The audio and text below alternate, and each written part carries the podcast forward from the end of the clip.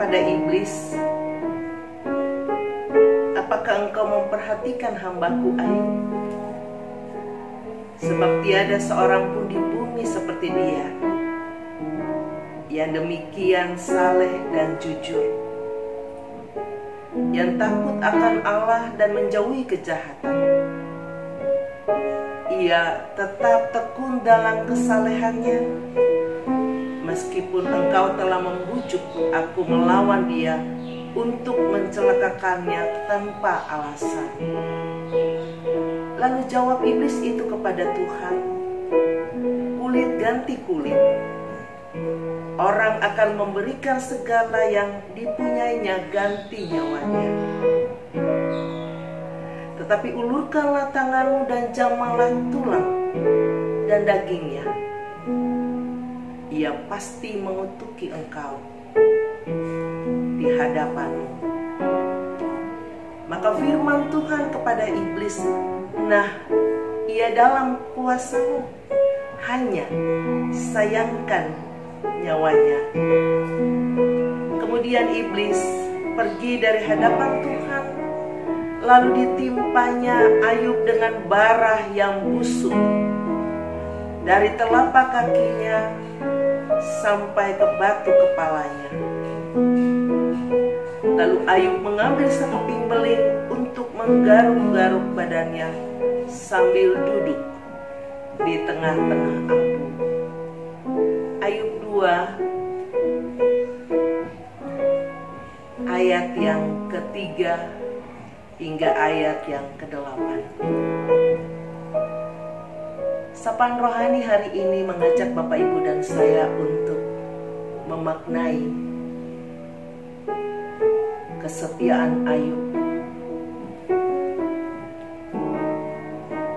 kesalehan Ayub teruji dalam penderitaan. Dalam bagian firman Tuhan ini dikatakan istrinya meminta ia melawan Tuhan, meninggalkan Tuhan sahabat-sahabatnya memberikan nasihat yang tidak menguatkan Ayub menjalani penderitaan itu.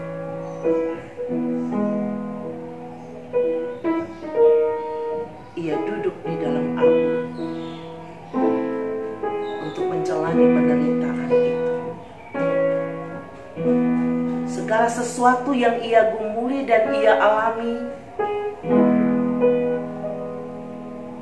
Ia menyelami perbuatan Tuhan itu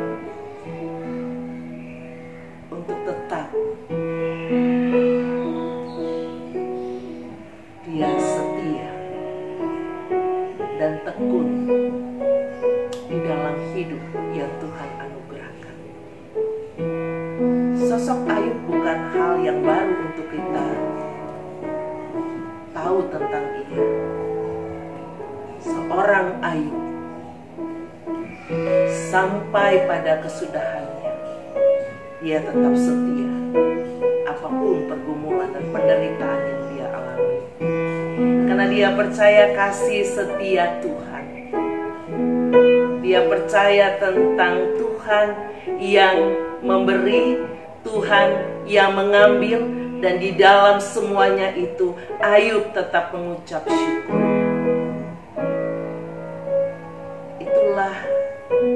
kehidupan Ayub yang setia di hadapan Tuhan. Penderitaan, kesakitan, pergumulan tidak membuat ia kalah. Dan semua itu dia jalani karena dia tahu Tuhan selalu ada di dalam hidupnya. Mari kita menjalani hidup ini dengan setia dan taat. Apa pun penderitaan dan pergumulan kita. Apa pun yang telah diambil dari kehidupan kita dan kita kehilangan bagian itu. Bila semua itu kita maknai, Tuhan tidak pernah meninggalkan kita itu tidak pernah diambil dari kehidupan kita jika kita tetap setia. Tuhan memberkati Bapak Ibu dan keluarga. Salam sehat.